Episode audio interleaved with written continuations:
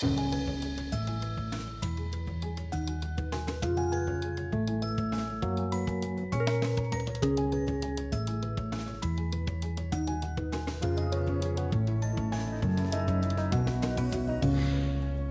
husker min farmors eh, lengselsfulle blikk eh, når hun snakket om Nordahl Rolfsens lesebøker. Og så har jeg lurt litt på hvor gode o-fagsbøkene jeg selv ble eksponert for år etter år, egentlig var. Det skal vi få svar på i dag. Velkommen til eh, Faktasjekken, jakten på Norges beste sakprosabrøker. Jeg heter Hans Olav Brenner. Og velkommen til panelet her, Egil Børre Johnsen, Svein Sjøberg og Dagrun Skjelbred. Tusen takk. Saken er nemlig den at eh, NRK P2 i samarbeid med Norsk faglitterær forfatter- og oversetterforening har satt seg fore å kåre Norges aller beste sakprosabøker etter krigen i ti forskjellige kategorier. Og dette resulterer altså i ti forskjellige radioprogrammer. Og i dag skal det handle om lærebøker. Hvor gode er eh, egentlig norske lærebøker? Eh, jeg spør dere som sitter rundt bordet her. Det fins jo ikke ett svar på. Det fins gode lærebøker, og det fins dårlige lærebøker. Og lærebøker for forskjellige fag er selvfølgelig også veldig forskjellige. Slik at det å sammenligne en matematikkbok med en historiebok eller en o-fagsbok, det blir det blir vanskelig, og det, går, det, er vanskelig å da lage en rangering av hva som er bedre enn noe annet, eh, fordi de er så forskjellige med eh, hvilke fag de formidler, hvilken alder de skal eh, henvende seg til, osv.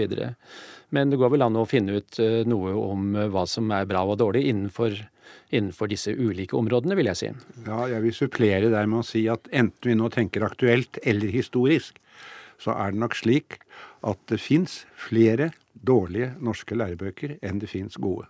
Mm. Der hørte vi altså først Svein Sjøberg og så Egil Børre Johnsen. Eh, og Svein Sjøberg, du har jo kjempet et helt yrkesliv, eh, har jeg inntrykk av, for eh, naturfagenes stilling i, i, skolen. Hvordan var det å kjempe frem naturfagstitler på denne langlista som dere tre da står bak, som består av 25 titler? Jeg har vel ikke akkurat eh, prøvd å kjempe fram naturfagbøker der, men jeg ser jo til eh, for så min, min, glede eh, at blant de 25 bøkene som ble nominert, så er det flere bøker både i, for naturfag både i, nede i grunnskolen og også i dette berømmelige O-faget, og også for matematikk og fysikk på gymnaset. Men hele tiden så er det jo begrenset, når vi snakker om lærebøker her, så er det tydelig at det ligger begrensningen at det er skoleverket vi har i tankene, slik at det er ikke den store læreboksektoren som, som også gjelder universitet og høyere utdanning. Så nå snakker vi først og fremst i dette programmet, skjønner jeg, om, om, lærebøker for skolen, ikke sant? Ja, så Det kan godt eksistere mye dårlig språkføring i uh, bøker for sykepleierstudenter, uten at vi berører det her i dag. Ja.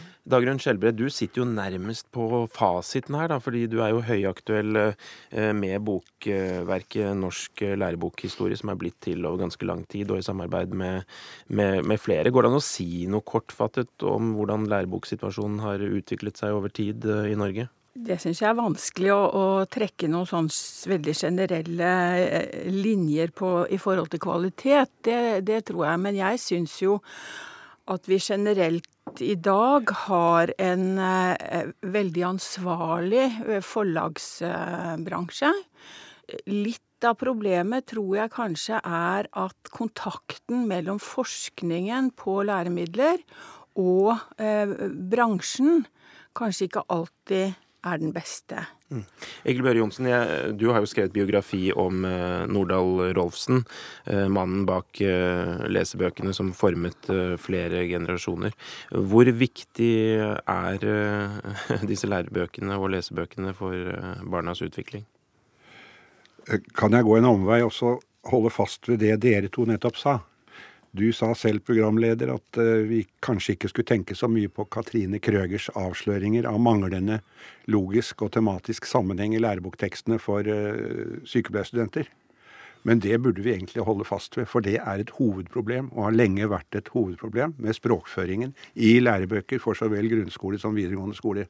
Og dette har forskningen vært oppmerksom på, men som Dagrun Skjellebred nettopp sa, det har ikke nådd tilbake til forlagene. Og forlagene, ja, de er ansvarlige. De er veldig ansvarlige og lojale.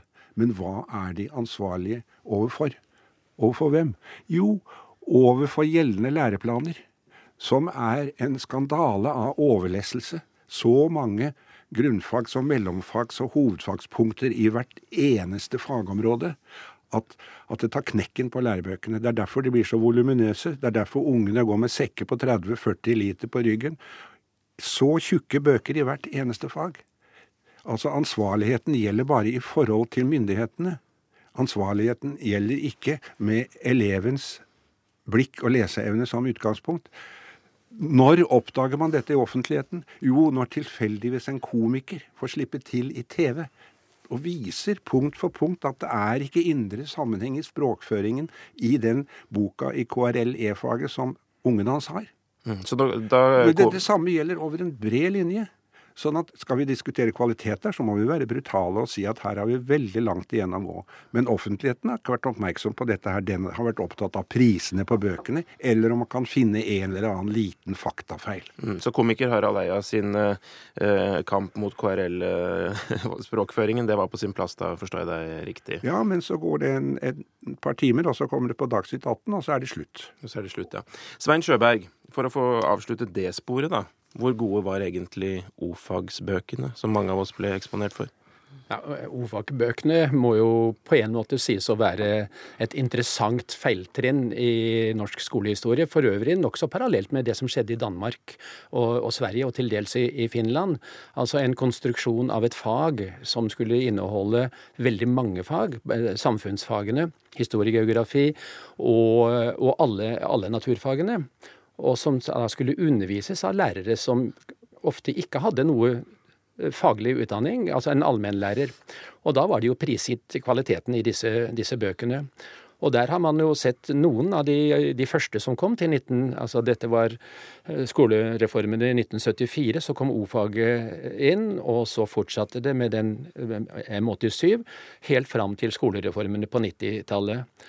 Og da ble det jo klart at den boka, eller det boksettet som kom til å dominere markedet fullstendig, det var 25 forfattere som var involvert, og ingen av dem hadde noe som helst bakgrunn i realfag, men altså skrev da lærebøker hvor halvparten av stoffet skulle være realfaglig, naturfaglig, uten at de selv hadde peiling på det.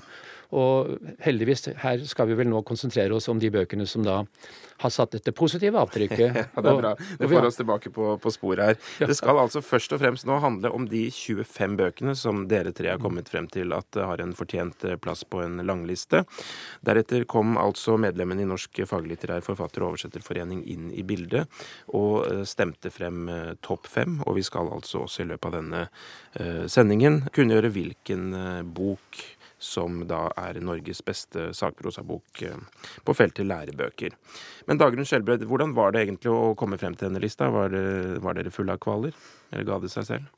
Nei, det ga seg jo ikke selv. Og noe som jeg syns var litt vanskelig, er jo det at eh, vi skulle jo prøve å konsentrere oss om tiden etter krigen. Eh, men det er jo en del av disse bøkene som har gått i 100 år og som har betydd veldig mye for, eh, for, utviklingen i Norge, sånn som jeg ser det. Og, og de syns vi vi måtte ha med også. Det, for, men de er jo kommet i nye utgaver, da, sånn som Nordahl Rolfsen, eh, sånn som Mats Bergs sangbok. Eh, de er kommet i, også på 70 80-tallet. Ja, ikke sant? Så der har dere tillempet litt. Og Da må jeg jo fortelle lytterne våre at uh, alle har med seg litt artefakter i dag. Jeg har jo med mitt eget lykkeeksemplar av Mats Berg, uh, skolens uh, sangbok. Jeg tror det var skal vi se, forord til 25. utgave, andre opplaget. Det kom jo i, i, rask rekkefølge der, og dere andre har også med dere en den del finnes, Den fins enda. Jeg sjekket i dag. Den fins i handelen i dag òg. Den gjør det, ja. Det er jo litt rørende, egentlig, vil jeg si. Den hadde 100-årsjubileum i 2014. Den kom første gang i 1914. Ja. Det vil jo føre litt for langt å lese opp titlene med forfattere på alle disse bøkene dere har kommet frem til. Men det er altså en bukett her. Det består eh, stort sett av standardverk for barneskole, ungdomsskole og videregående. Det vil si, her er trinnene stort sett omtalt eh, som den for lengst avskaffede folkeskolen og gymnasiet. Har dere vært litt for tilbakeskuende i utvalget her, folkens? Det er jo et resultat av en avstemning. 1000 medlemmer i NFF har stemt. Og da må vi se litt på deres aldersmessige habitus. høy, med, altså, Gjennomsnittsalderen i NFF er veldig, veldig høy. Jeg har den ikke i hodet, men den er den ikke over 60 da, tro.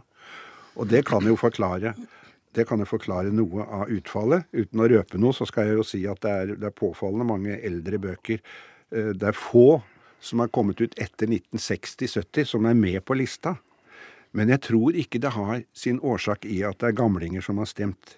Jeg tror det har sin årsak i at det er liten kvalitetsfornyelse i løpet av de siste tiårene.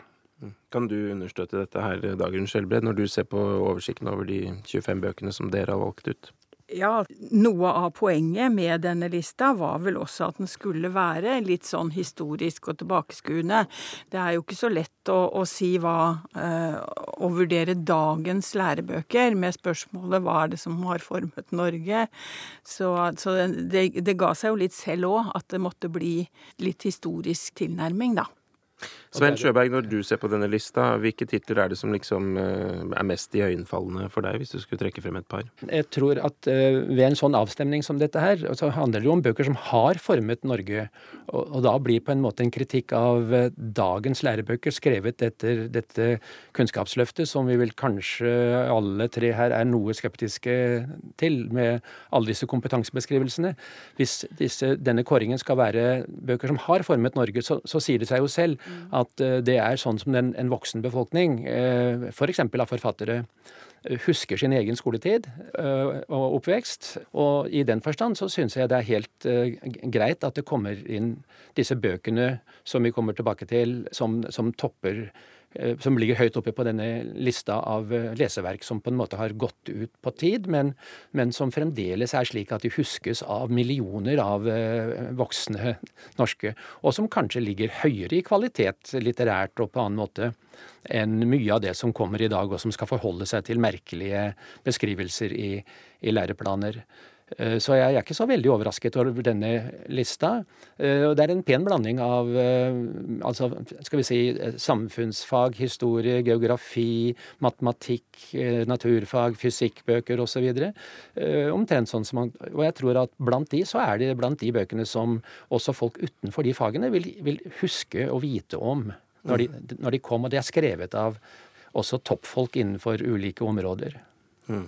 Men er det en tittel på, på, lista der, eh, Svein, som du eh, som henger sammen med dine egne varme barndomsminner, holdt jeg på å si, fra skoleårene? Ja, til, til, til de grader. Og det er øh, Øgrim Ormestad og Lundes øh, Romstofftid, som begynte faktisk omkring 1968. og og, og Øgrim og Ormestad var jo våre første TV-kjendiser lenge før vi hadde ordet kjendis. Eh, eller de var jo radiokjendiser før det, og de skrev til og med pøls, en bok som het 'Pølser, fysikk og potetsalat' eh, på slutten av krigen, og hadde masse radioprogrammer.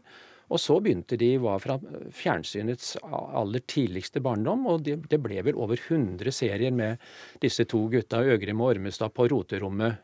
Uh, og de ble etter hvert da mine lærere, og senere så var det de som fikk meg til å å skifte på en måte fag fra ren fysikk til å dreie seg om skole og ja, også lærebøker. Og det var den perioden de skrev disse lærebøkene, så jeg, jeg, jeg kjenner dem fra den tiden eh, på ulike måter. Mm, og Befinner man seg et sted i 30-årene sånn som meg, så har man nok et eh, minne om disse her fra fjernsynet, vil jeg tro. Og bøkene her... finnes ennå, faktisk, i, i, nye versjoner med nye forfattere. Ja, og her skal vi da få en liten eh, påminnelse. Hør på dette. Når jeg f.eks. kaster denne her papirtutten her med, med papir og andre sånne lette ting, så spiller jo luftmotstand veldig stor rolle. Og Galileo var fullstendig klar over at han måtte tenke seg bevegelse uten luftmotstand. Og Derfor så gjorde han forsøk med så tunge ting at lufta ikke spilte noen særlig rolle. Tunge ting? Jo, jo. Eh, Galilei, du slapp jo steiner ut fra tårnet, du. For liksom å vise at uh, tunge og lette ting falt like fort. Å ja, så det gjorde jeg? Ja da, står i bøker. Det er aldeles nytt for meg. Du vet at også denne historia om steinkasting fra tårnet i Pisa, den, den, ble laget 100 år etter Galileos død. Ja, men Altså Hvis jeg gjør et sånt eksperiment med f.eks. en papirlapp og en glasskule, en tung og en lett ting, og så slipper den sånn Så ja faller jo selvfølgelig den tunge tingen fortest. Jo da, det er så stor forskjell som, Ja, som papir og glass.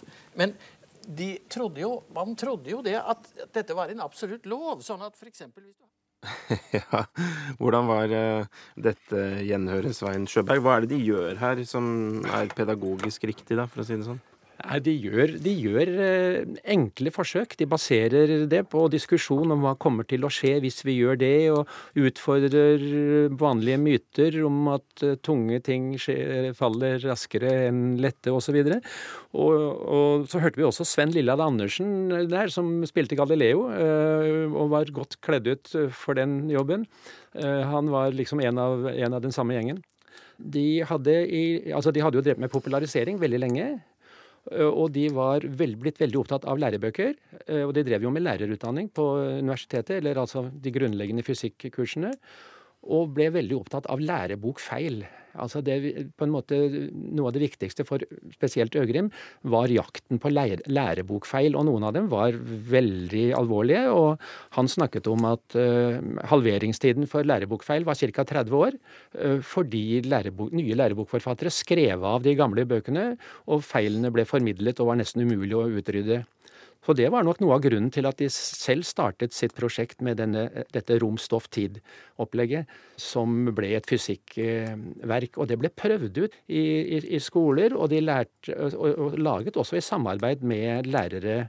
Så, og språket skulle være enkelt, det skulle være presist, og det skulle være faglig korrekt. Ikke noe spesielt litterært verdifullt, vil jeg tro, sammenlignet med en del andre av de bøkene vi har foran oss, men altså logisk, presist, uten misforståelser, og forankret til enkle forsøk som alle kunne gjøre, som viste de prinsippene som fysikken beskriver. Så mønstergyldig faglig og mønstergyldig pedagogisk og enkelt språk. Nå snakker vi altså om Rom, stoff, tid, fysikk for gymnaset fra 1973 av Ormestad og Øgrim. Og vi eh, jakter da altså på Norges beste sakprosabøker etter krigen. Og nå beveget du deg faktisk litt umerkelig inn på topp eh, fem, du Sjøberg, da jeg ba deg om å peke ut eh, en favoritt fra denne langlista. Fordi NFFs medlemmer er faktisk eh, enige i at dette er en betydningsfull bok. Så dette er da nummer fem på topp eh, fem, eh, og den første tittelen vi avslører da på, på topp fem. Da skal vi bevege oss oppover på lista, og på fjerdeplass har vi Edvard Bull med boka 'Nordmenn før oss norgeshistorie for gymnaset', som kom første gang i 1948. Og nå ser jeg, Dagrun Skjelbred, at du har en eh, eldre utgave foran deg av denne boka. Eh, Og hva slags eh, perspektiv er det som blir lagt eh, til grunn her? Edvard Bull han var jo historie, eller professor på lærerutdanningen i Trondheim. Og det som da het eh, Lærerhøgskolen. Og var veldig opptatt av skole og formidle historie eh, til eh, barn og unge. Og hans historiesyn var jo preget av marxismen. Han ville skrive historien nedenfra, sa han. Han ville skrive den sånn at de vanlige menneskene og deres innsats kom til syne. Og så var han også opptatt av at eh, historie er ikke, ba, er ikke noe som bare hender. Historie er eh, handling. Og det vil si at eh, vi, kan, eh, vi kan forme eh, vår egen framtid, eh, og det må historien synliggjøre.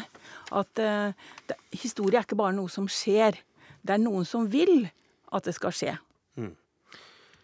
Egil Børre Johnsen, er dette en uh, bok som fortjener sin uh, fjerdeplass med 16% av stemmene? da? Ja, i høyeste grad. Forholdet er jo det at når vi skulle foreslå titler, så måtte vi ta hensyn selvfølgelig til, eh, til levetid og opplagstall. Men vi har også tatt hensyn til kvalitet.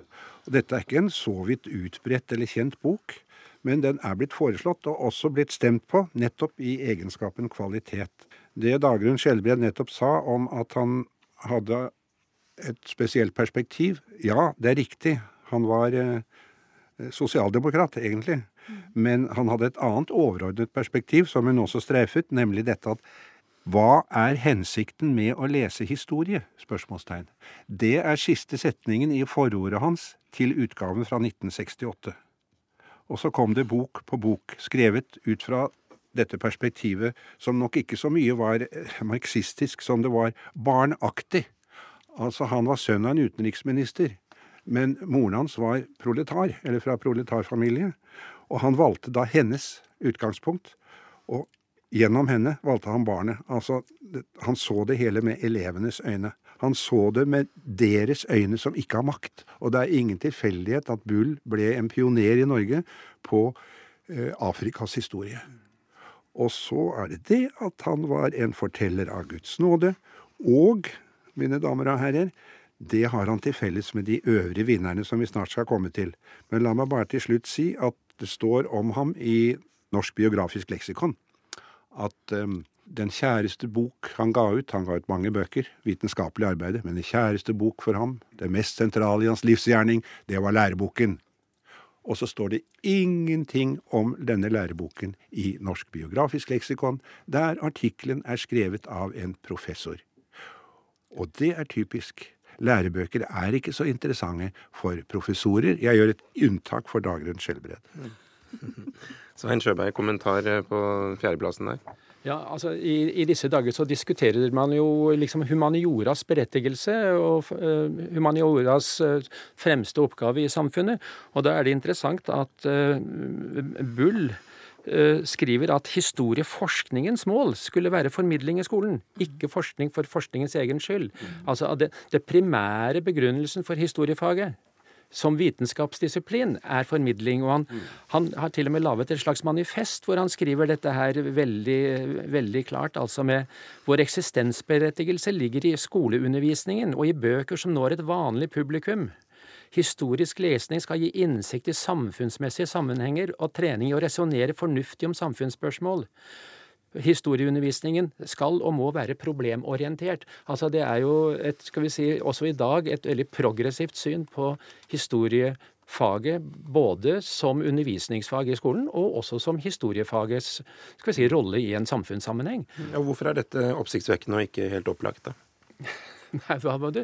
Jeg er ikke historiker, og jeg vet at det, sånn som Børre også sier, at det er mange professorer som ikke ser undervisningen sin på f.eks. på universitetet som liksom første ledd i å formidle til et større publikum, og at litt esoteriske problemstillinger som skal skrives i tidsskrift som ikke er helt forståelig for folk flest, også i historiefaget, eh, har, på en måte gis høyere prestisje, istedenfor å skrive sånn som en del historikere også gjør i dag, da, skrive for et større og mer allment publikum. Francis Sejersted sa jo noe sånt som at han ville aldri kunne bli professor med dagens tellekantsystem, f.eks. Uh, han skrev jo også for et større publikum. Men, men, er det riktig oppfattet at han har et slags ferskvareperspektiv på, på, denne formidlingen, som gjør at eh, det er litt paradoksalt at denne boka blir kanonisert og, og satt i glass og ramme, holdt jeg på å si? Ja, den, Da vi foreslo den, så eh, var det jo under tvil for hvem i all verden ville stemme for den, men så kom den altså likevel høyt opp, og det syns jeg er oppløftende og spennende. Uh, I motsetning til en annen som er foreslått, Gunnar Høsts Eh, lærebok i fransk for videregående, som jo er etter mitt skjønn genial, men som ikke fikk leve lenge. Husker dere den? Hadde dere den? Mhm. Det var den som åpner med dette praktfulle eh, Disse seks linjene. Sola er gul, månen er hvit, stjernene lyser, himmelen er blå, la terre ronde, jorda er rund, l'homme est petit. Mennesket er lite. Det er denne skapelsesberetningen. Så han åpner altså en innføringsbok i fremmedspråk, og så fortsetter han å holde den linjen en stund, men så havner han i den vanlige eh, i den vanlige hva skal vi si, bokpakken. Altså han, han gjør sånn som vi har gjort i alle eh, fremmedspråklærebøkene som er importert fra Sverige, de fleste av dem, og omarbeidet. Det blir bare Per går til skolen, og Jens kommer hjem, og han ringer til Anita. Og så er det mennesker som bare er figurer, og ikke mennesker. Men den, den, den åpningen og det løftet Men han fikk jo tross alt noen stemmer. Var det ikke 40, skal vi se? Av de 1000. Ja, 4 Ja. Men, men, men den, altså selv om den første utgaven kom i 1948, og man kan si at den var utdatert, så ble den revidert 17 ganger, og senest i 1985. Slik at, eh, Og han hadde vel som noe av det siste han hadde tenkt å gjøre, prøve å skrive den på nytt igjen med et annet perspektiv. Altså skrive historien baklengs. Snakker du om høst eller bull? Nei, nå snakker vi om uh, Bull, Bull, altså den, den nominerte, eller den som ligger nå på fjerdeplass. At den, den ble jo brukt til eh, langt opp på 80-tallet, kanskje opp på 90-tallet. Så, så den er jo ikke så historisk. eh, Så når folk skal stemme den fram i dag, så er det nok mange som har hatt den som en kjær bok i også- sin skole. Og så fikk den vel også kanskje litt aktualitet på 70-tallet og 80-tallet, da en mer eh, Altså da vanlige folks historie skulle Det ble populært å Eller det ble riktig å, fortelle vanlige folks historie. Det høres ut som man er forut for sin tid der, egentlig. da. Nettopp. Jeg opplever det sånn. Men ja, jeg tror det. Men eh, videre visjoner ble da ikke noe av. Han døde 72 år gammel i eh, 1986. Ja. Men dette verket, 'Nordmenn før oss norgeshistorie for gymnaset', fra 1948, er altså da et bidrag på topp fem-lista når vi da jakter på Norges beste lærebøker eh, etter krigen. Nå skal vi bevege oss eh, videre, og nå er det altså rett og slett eh, tredjeplassen det er snakk om, og der finner vi skolens sangbok med metodisk rettledning for eh, undervisning i sang av Mats Berg. Er det noen av dere tre som har et eh, Dere har vel sunget dere gjennom den antagelig i løpet av skoleårene? Ja, det- kan ikke jeg stille et spørsmål først? F.eks. til Dagrun, da. Lærebok, er dette en lærebok? En sangbok, er det en lærebok? Og videre, dette lærebokprogrammet her er jo innenfor en ramme som kaller seg sakprosa. Sakprosabøker som formet Norge. Så jeg stusser liksom ved at den er kommet med. Men da må jeg få lov til å lese litt fra side 337 her, da. At stemmebruk. Menneskestemmen er et fint instrument og må behandles forsiktig osv. osv. Det er tre ting som må være i orden dersom en skal kunne synge en sang godt. Pusten, tonen og tekstuttalen. Stemmebruksøvinger tar en aldri isolert osv. osv. Altså det er jo, må jo si at dette i høyeste grad er en lærebok, syns Ja, du ikke det? sakprosa, ja, det er sakprosa. Ja. Altså innenfor, eh, innenfor eh, sangboktradisjonen, da, innenfor skolen, så kan du si det er eh, to retninger, på en måte. Den ene er jo at de, de Det er en sangbok i den tradisjonen kanskje som Børre nevner, nemlig at du får mange sanger som du kan, kan synge. Og så har du den andre som er en musikkopplæringsbøker. Hvor du lærer om stemmebruk, du lærer noter, du lærer om musikkens eh, Du lærer eh, fagspråket innenfor musikken. Og det finnes liksom i to uh, forskjellige retninger. Og Mats Berg er, hører jo definitivt til den første, med at han skriver jo Eller det er en sangbok, men det er også med en del stoff som, som ble nevnt her. Og det er også uh, Han har jo portretter av av, av komponister, f.eks. også.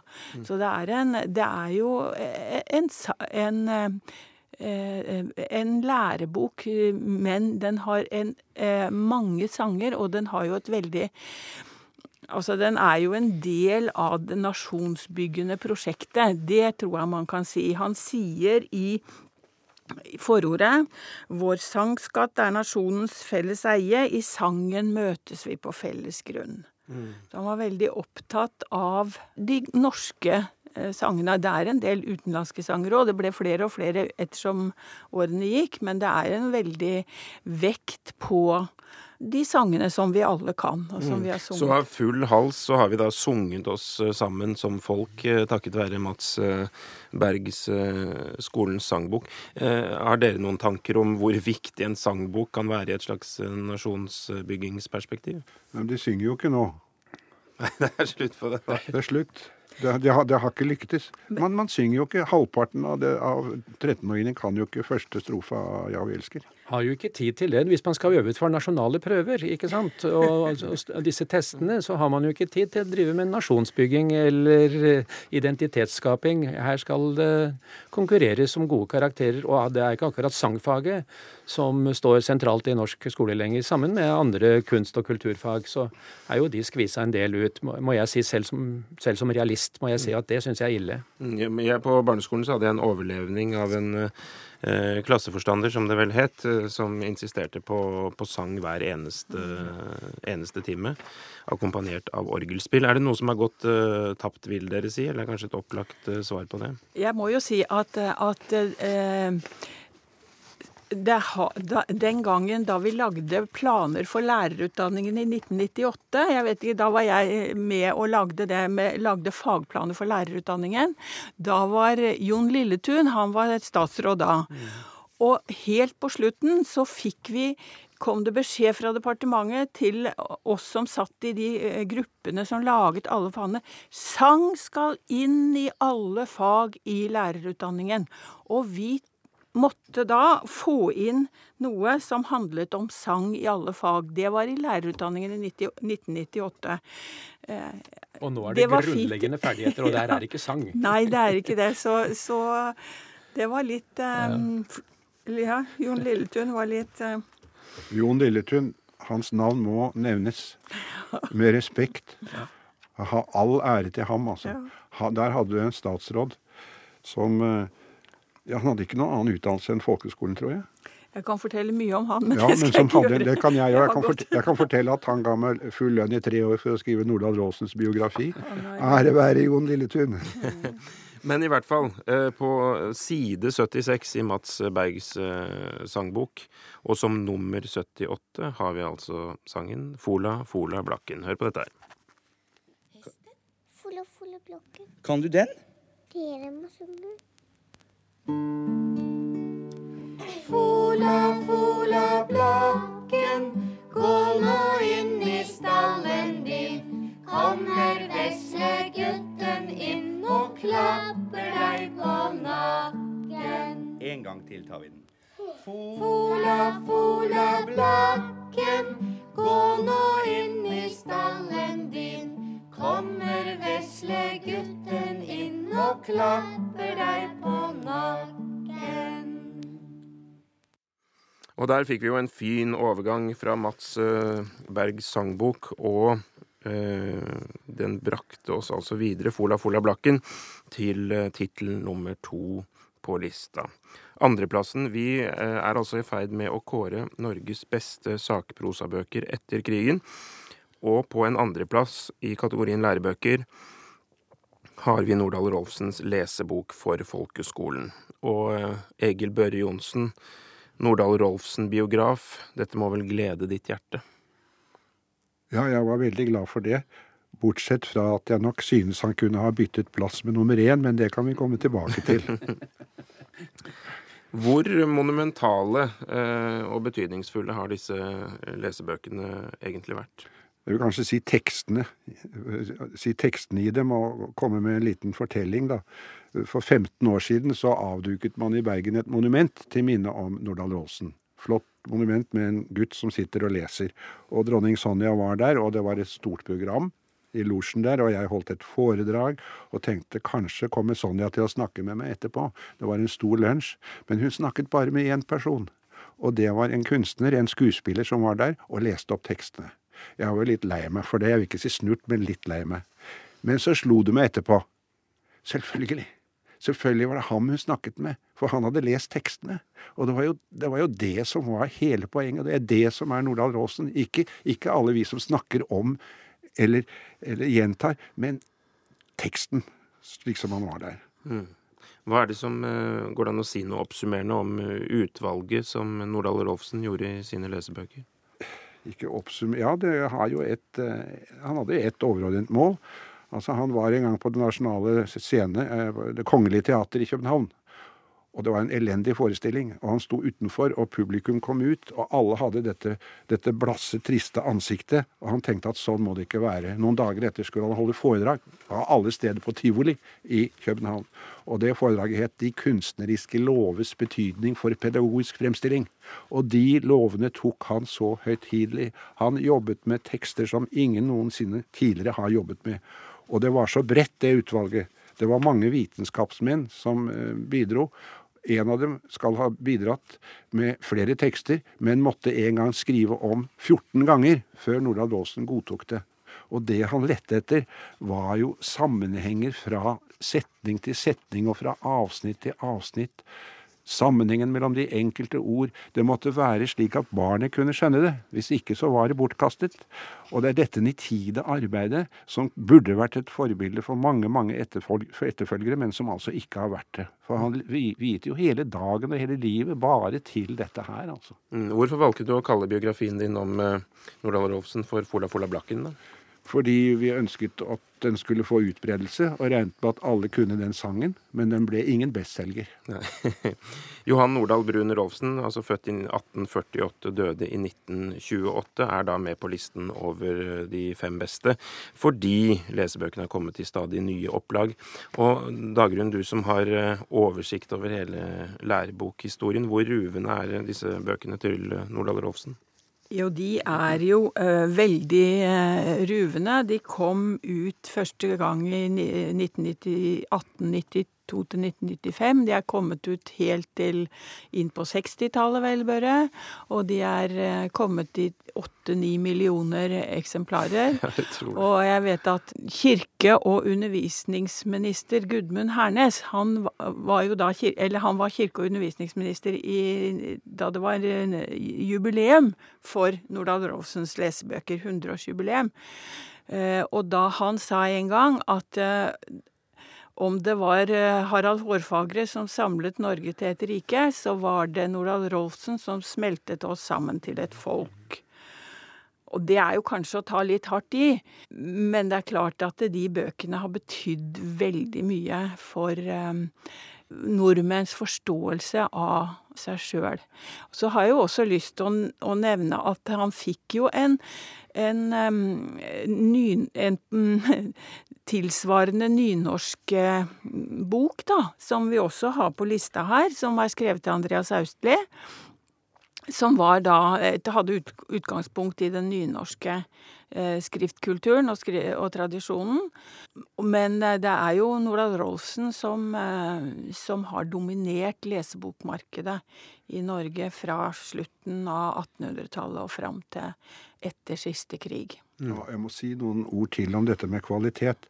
For jeg har ikke lyst til å, å, begynne å sette opp lister over hva slags emner han valgte, eller hvilke samfunnsområder det var fra osv. Det er ikke det som er poenget. For uansett hva han rørte med, så ble det lesverdig, og det var hele poenget. Så jeg vil gjerne stille et spørsmål i den sammenheng. F.eks. hva er viktigst? At noe blir lest og skaper interesse, eller at det er skoleriktig i forhold til læreplaner osv. Så, videre. så det er, han hadde en avansert innstilling egentlig til virkelighetsbeskrivelse. Mm. Man kan kritisere og si at han var en besteborger. Du så det bare fra besteborgerens og, og den urbane synspunkt. Mannen fra Bergen og Oslo. Men, men hva er poenget med det? Når de skaper en lesebok, når de kaster seg over en lesebok, det er det som er hele poenget. Og han hadde en, en seksjon som heter 'Når dyrene snakker'. Og der har han en innledning hvor han skriver det at vi vet jo alle at dyrene ikke kan snakke. Men hvis det er slik at det de sier, passer på dem selv, og kanskje også på menneskene, da kan vi jo bare la dyrene snakke. Og så setter han i gang. Og det er jo fortellingen hele tiden som bærer dette her. Og nok en gang må jeg si, vi deltar i et sakprosaprogram, men både hos ham og hos han som vi snart skal komme til som vinner, så er det jo fortellingen hele tiden som dominerer, helt opp til de høyeste trinn. Men jeg bare tenker på, Apropos det du sa, så husker jo jeg min eh, farmors da, eh, glødende blikk da hun snakket om Nordahl Rolfsen. Um, og han er jo også stemt frem helt uh, nesten i toppen her. Uh, men har vi da noe bevis for at disse bøkene var høyst, høyt elsket? At det ikke var snakk om en form for tvangsfòring? Ja, et bevis ble vel levert allerede i 1949, tror jeg. Da var det faren til en kjent NRK-mann, Tjomsland, Odd Tjomsland, som skrev hovedoppgave i norsk om Nordahl Rolsen. Og han har et kapittel der hvor, hvor han har gått og spurt folk, både eldre og yngre, og forhørt seg også eh, blant eh, i kultureliten. Og, og det er jo bare enstemmig takknemlighet. Det er jo det, altså. Det Takknemlighet, ja. Svein Sjøberg, har du noen grunn til å føle takknemlighet?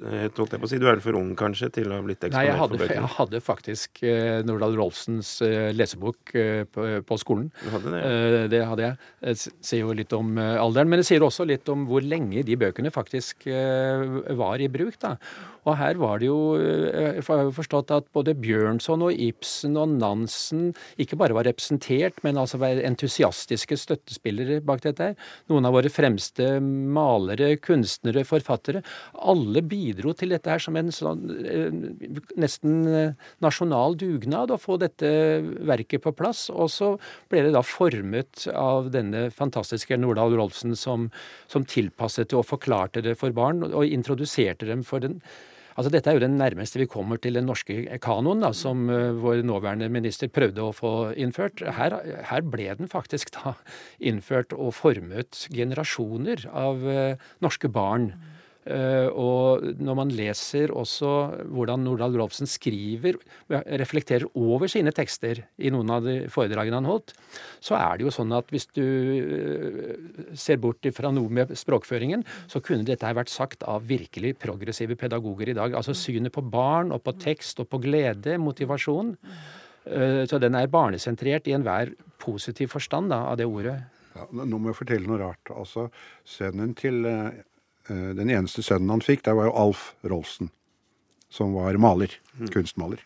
Han har dekorert den ene veggen i Rådhus, Oslo, Rådhus, ja. Oslo rådhus.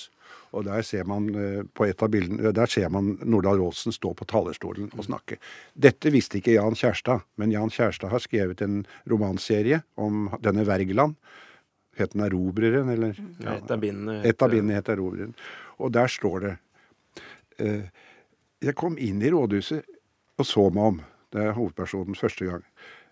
Og det var akkurat Jeg fikk en følelse av, å befinne meg i en ABC-bok. Det står det altså i romanen. Og så traff jeg kjæresta og spurte Visste du om dette at Alf Rolsen osv.? Nei, det visste han overhodet ingenting om. Men den, den følelsen dukket opp i rådhuset. Og det tror jeg er takket være det dekorasjonene. Ja. Nordahl Rolfsen, ja. Jeg, kan jeg bare få lov til å, å tilføye én ting når det gjelder Nordahl Rolfsens lesebøker, og det er jo det at de var illustrert. Og det var ganske moderne da de kom ut første gangen. Og han eh, engasjerte jo sin samtids beste kunstnere, for bare det beste skulle være godt nok for barn. Og til å illustrere disse bøkene. Og du finner jo veldig mange av de kjente illustrasjonene vi kjenner fra um, Erik Wernskjold og Kittelsen og alt dette, som da um, vi har, finner i disse bøkene. Så han, han ville jo gi barn også eh, estetiske eh, opplevelser, ikke bare når det gjaldt språk, men også når det gjaldt eh, bilder. Kunne Nordahl Rolfsens eh, lesebok for folkeskolen fortsatt være aktuell i, i den norske skolen? Kunne den brukes? Kommer an på læreren. Den har i hvert fall fått eh, andreplassen på vår topp fem-liste over de beste lærebøkene i Norge etter krigen. Og nå skal vi da eh, rett og slett avsløre eh, hvem som erobrer eh, førsteplassen. Og da kan jeg jo avsløre at eh, det er en ganske eh, monumental seier. 44% har Torbjørn Egners lesebøker fått. Og nå skal vi høre et eh, ørlite eh, klipp hvor eh, Torbjørn Egner forklarer at disse bøkene kanskje også er et lite ledd i gjenreisningen av Norge etter krigen. Det var veldig de optimistiske første årene etter krigen, hvor vi gjerne alle ville være med og gjøre litt nyttig. Jeg syns for meg selv at noe av det nyttigste jeg kanskje kunne forsøkt meg på, det var å lage lesebøker for folkeskolen. Det var i grunnen et ønske jeg hadde hatt helt siden jeg selv gikk i skolen. Jeg hadde den gang laget, eh, tegnet og skrevet en del bøker, både for barn og voksne. Og jeg hørte også at en av barnebøkene mine, den om Ola Ola, ble brukt som lesebok i, på enkelte skoler. Og det var jo også en veldig inspirasjon. Jeg ville forsøke å lage lesebøker som både i innhold og uh, utstyr vakte umiddelbar leselyst og leseglede. Ja, Der hørte vi altså Torbjørn eh, Egner gjøre, i ydmyke ordelag gjøre rede for bakgrunnen for um, lesebøkene. Han ønsket altså å gjøre litt nytte for seg etter krigen. Uh, og med det så erobret han altså førsteplassen på, på, vår liste over de viktigste lærebøkene i Norge etter krigen. Er dette en fortjent førsteplass, vil dere si? Egil Børre Johnsen, hva syns du? Ja, Absolutt ut fra det kriteriet jeg nettopp lanserte, nemlig du får lyst til å lese det som står der, og du får lyst av den grunn til å lese mer utenom. Eh, det er den samme høye eh, kvaliteten. Eh, så har vi på en annen side her en forfatter som mye mer enn Nordahl Aasen er en entertainer. Og det har kommet mye kritikk fra avanserte intellektuelle, vil jeg si, når det gjelder moralen i disse stykkene til Torbjørn Egner. Hva tenker du på da? Ja, han, er, han er jo nærmest anarkist og, og litt sånn vanesosialdemokrat. Bare man er snill, kan man gjøre som man vil. Mm. Har kardemommeloven eh, forpuret unge menneskers sinn i Norge, eller var det et nyttig bidrag fra Torbjørn Egner, vil dere si, Dagrun eller Svein? Altså, jeg tror begge de to bøkene som vi nå har på topp, har eh, Det er på en måte den eh, første generasjonen med liksom den voldsomme boka som eh, varte i ikke, ikke 100 år, men det var sannelig ikke mye om å gjøre. Og så kom Torbjørn Egners bok, slik at for de som er sånn middelaldrende i dag, så er det kanskje lettere å huske Torbjørn Egners bok, og det er flere som har hatt den. Ellers så vil jeg jo nesten tro at de kanskje, når det gjelder hele nasjonens, i hvert fall i et litt lengre perspektiv, så er nok eh, Nordahl Brolsen et mye større løft. Ble jo diskutert i Stortinget om å gi han tre års stipend, og de diskuterte det i flere dager, ikke sant. Og det var Og han engasjerte jo en altså, enorm mengde med både kunstnere, forfattere og vitenskapsfolk. Jeg kjenner jo det som står om naturfag i, i i Nordahl Rolfsen, og det er, jo, det, det er, jo, faktisk bedre enn i de fleste bøker i dag. Mm. Uh, og opp, oppdatert, uh, flott. Og Prøysen blir noe litt, uh, litt annet, og gode for hver sin periode. Men det som dessverre skjedde, var jo at Kanskje i hvert fall at i 1974, med den mønsterplanen som kom da, så ble det slutt på læreverk. Lese, leseverk for mm. skolen. Mm. Mm. Som var på en måte et integrert fag på sitt beste, da, fordi naturfaget der holdt mål, og det som sto om historie og geografi og om andre kulturer og sånn, var rimelig godt eh, ivaretatt på faglig ordentlig måte. Og så kom da O-faget inn, og andre fag, så det ble mer fagoppsplitting. Så jeg tror at det var nesten synd at eh, denne i tidlige skoleår, denne leseboktradisjonen, hvor de møtte det, liksom, forskjellige temaer uh, uten faglig systematikk, men med en stor leseglede, det tror jeg var en, en, god, en, god, skole for barn, i, i hvert fall i de periodene som vi hadde da. Mm. Den tok slutt i 1974, altså. Mm. Mm. Nå kan vi jo da ikke få meddelt Torbjørn Egner at han uh, erobrer denne førsteplassen, men uh, vi har med oss Egner-biograf Anders Heger. Mm. Ja, Anders Heger, er du med oss? Ja, det er jeg. Nå har vi altså fått brakt på det rene her i eh, radiostudio på Marienlyst at Torbjørn Egners lesebøker med ganske overveldende antall prosent er blitt kåret til eh, det viktigste eh, sakprosaverket i kategorien lærebøker i Norge etter krigen. Gir det mening for deg? ja, det, det, det, er litt overraskende at hun hadde den posisjonen nå, men det gir jo er jo gærent. Det gir absolutt mening. Altså Både for hvilken betydning det har hatt, men også for innholdet. Hvilket ambisjonsnivå det har, og hvilket, uh, hvilket uh, altså Hvor høyt han siktet da han laget det.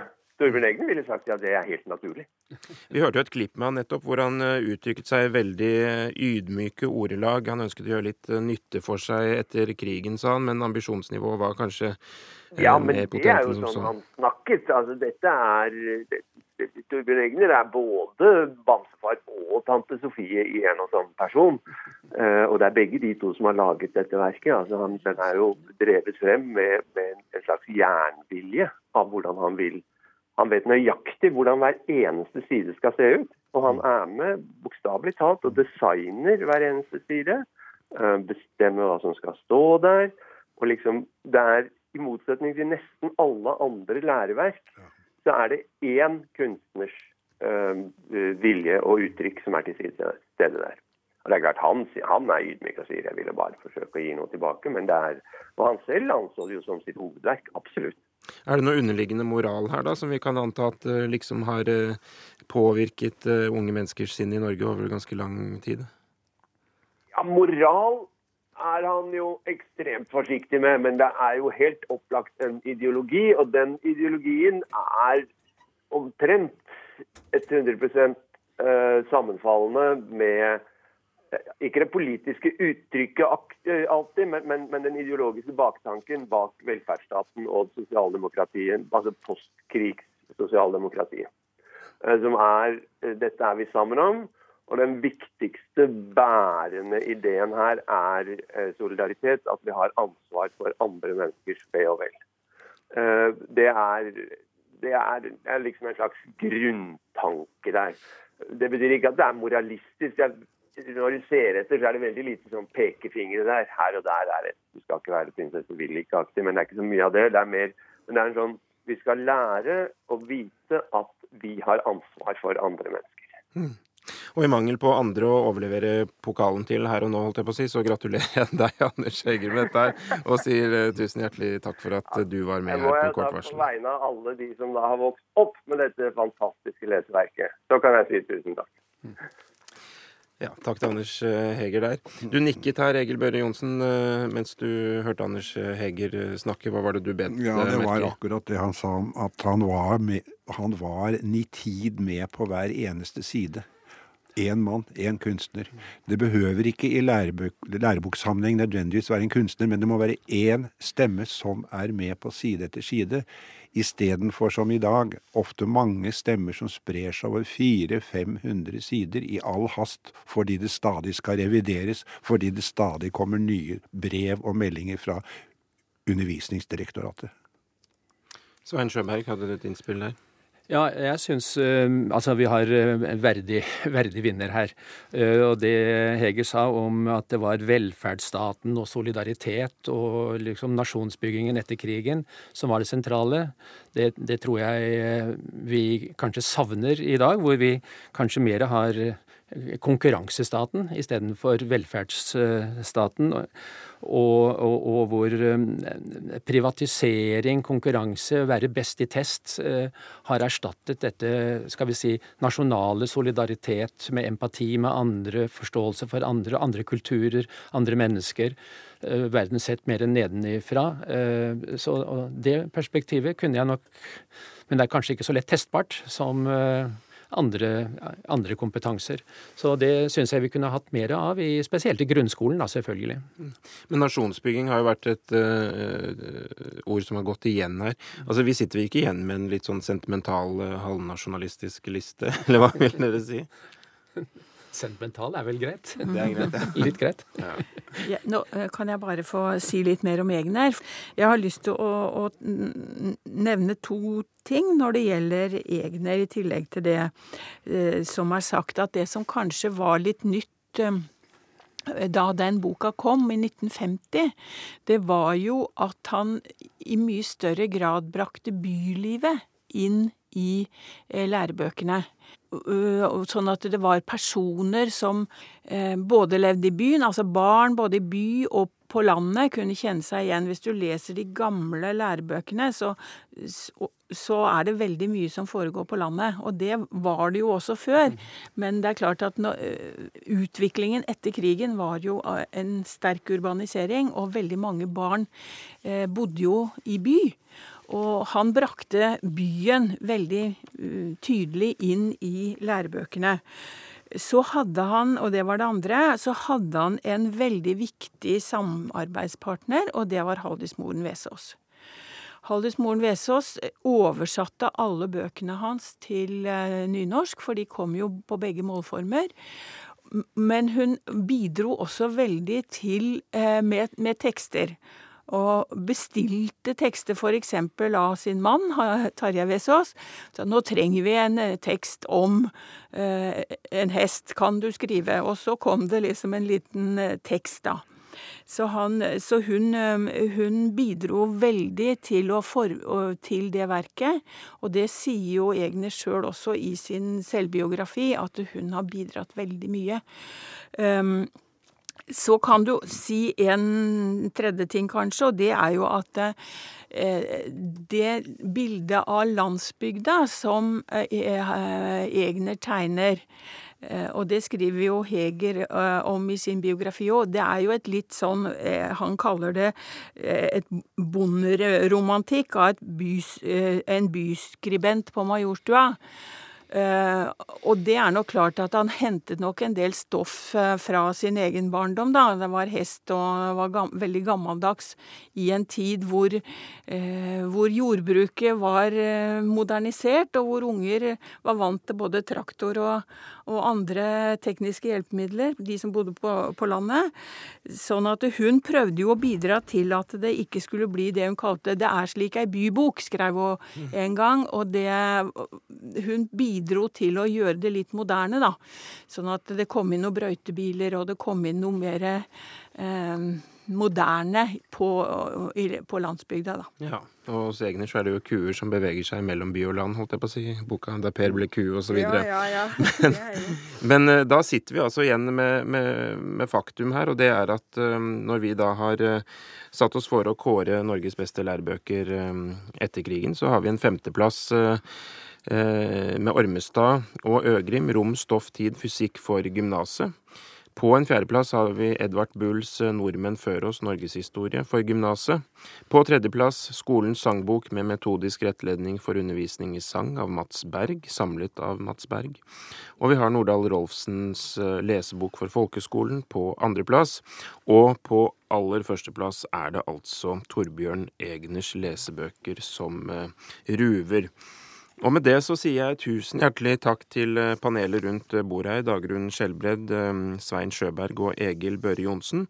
Og ikke minst til alle de mange, mange hundre stemmeberettigede i NFF som da har gjort at vi sitter igjen med en vinner her i dag.